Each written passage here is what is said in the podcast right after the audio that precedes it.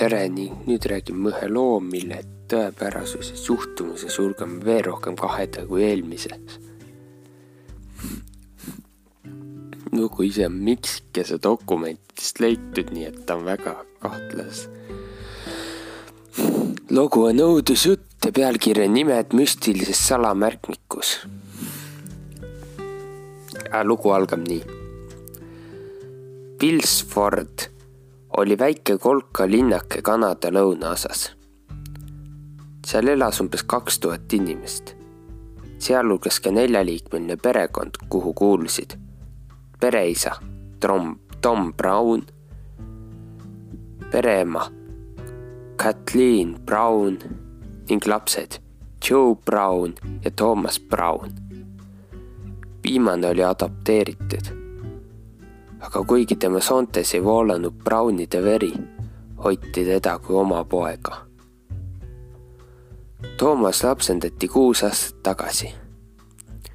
see juhtus siis, kui Brownide enda pisitütar vanni ära uppus. okei, okei, okei.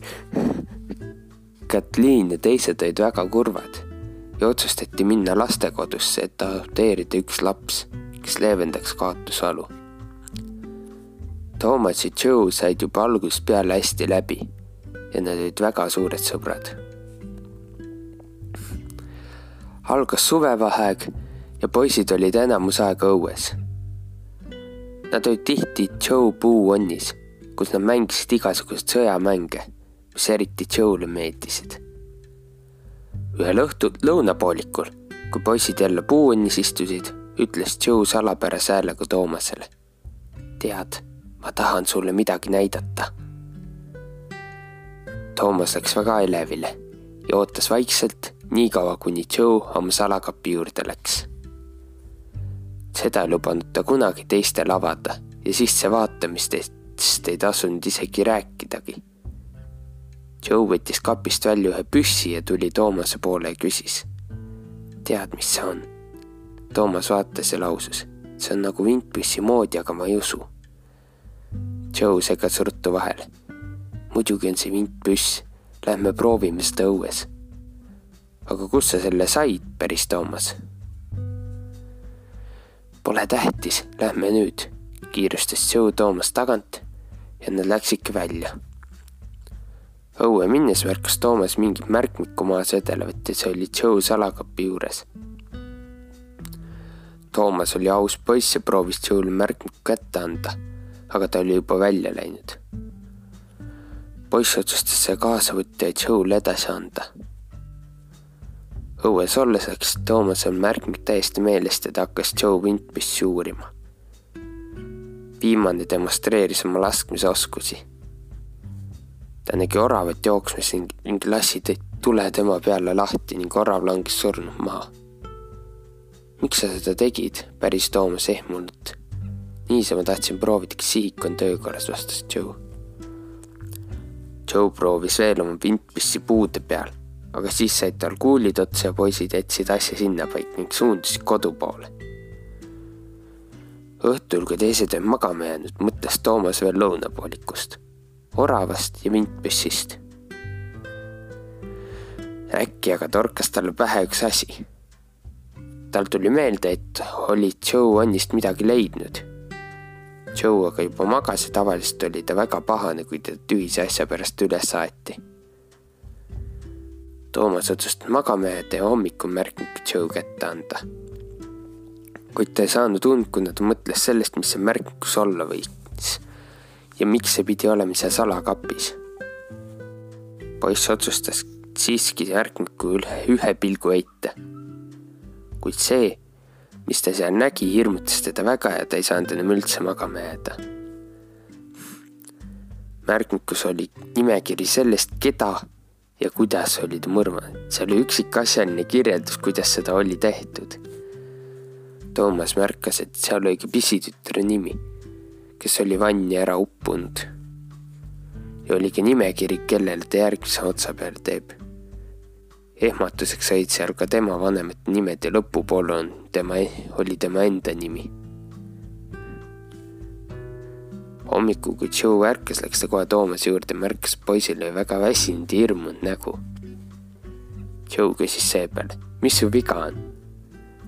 Toomas tegi veidi parema näo ja ütles, ma tunnen end halvasti ja ei saanud öösel eriti magada. Joe vaatas kurva pilguga Toomast ja lausus. Mul olid sinuga just täna nii head plaanid ees. seejärel läks ta nördinud üksi oma onni Toomasele aga ei tulnud pähegi, et Joe oli eile ühe orava maha lasknud ja tahab ju ka tema oma märkis üle märk-, üles märkida.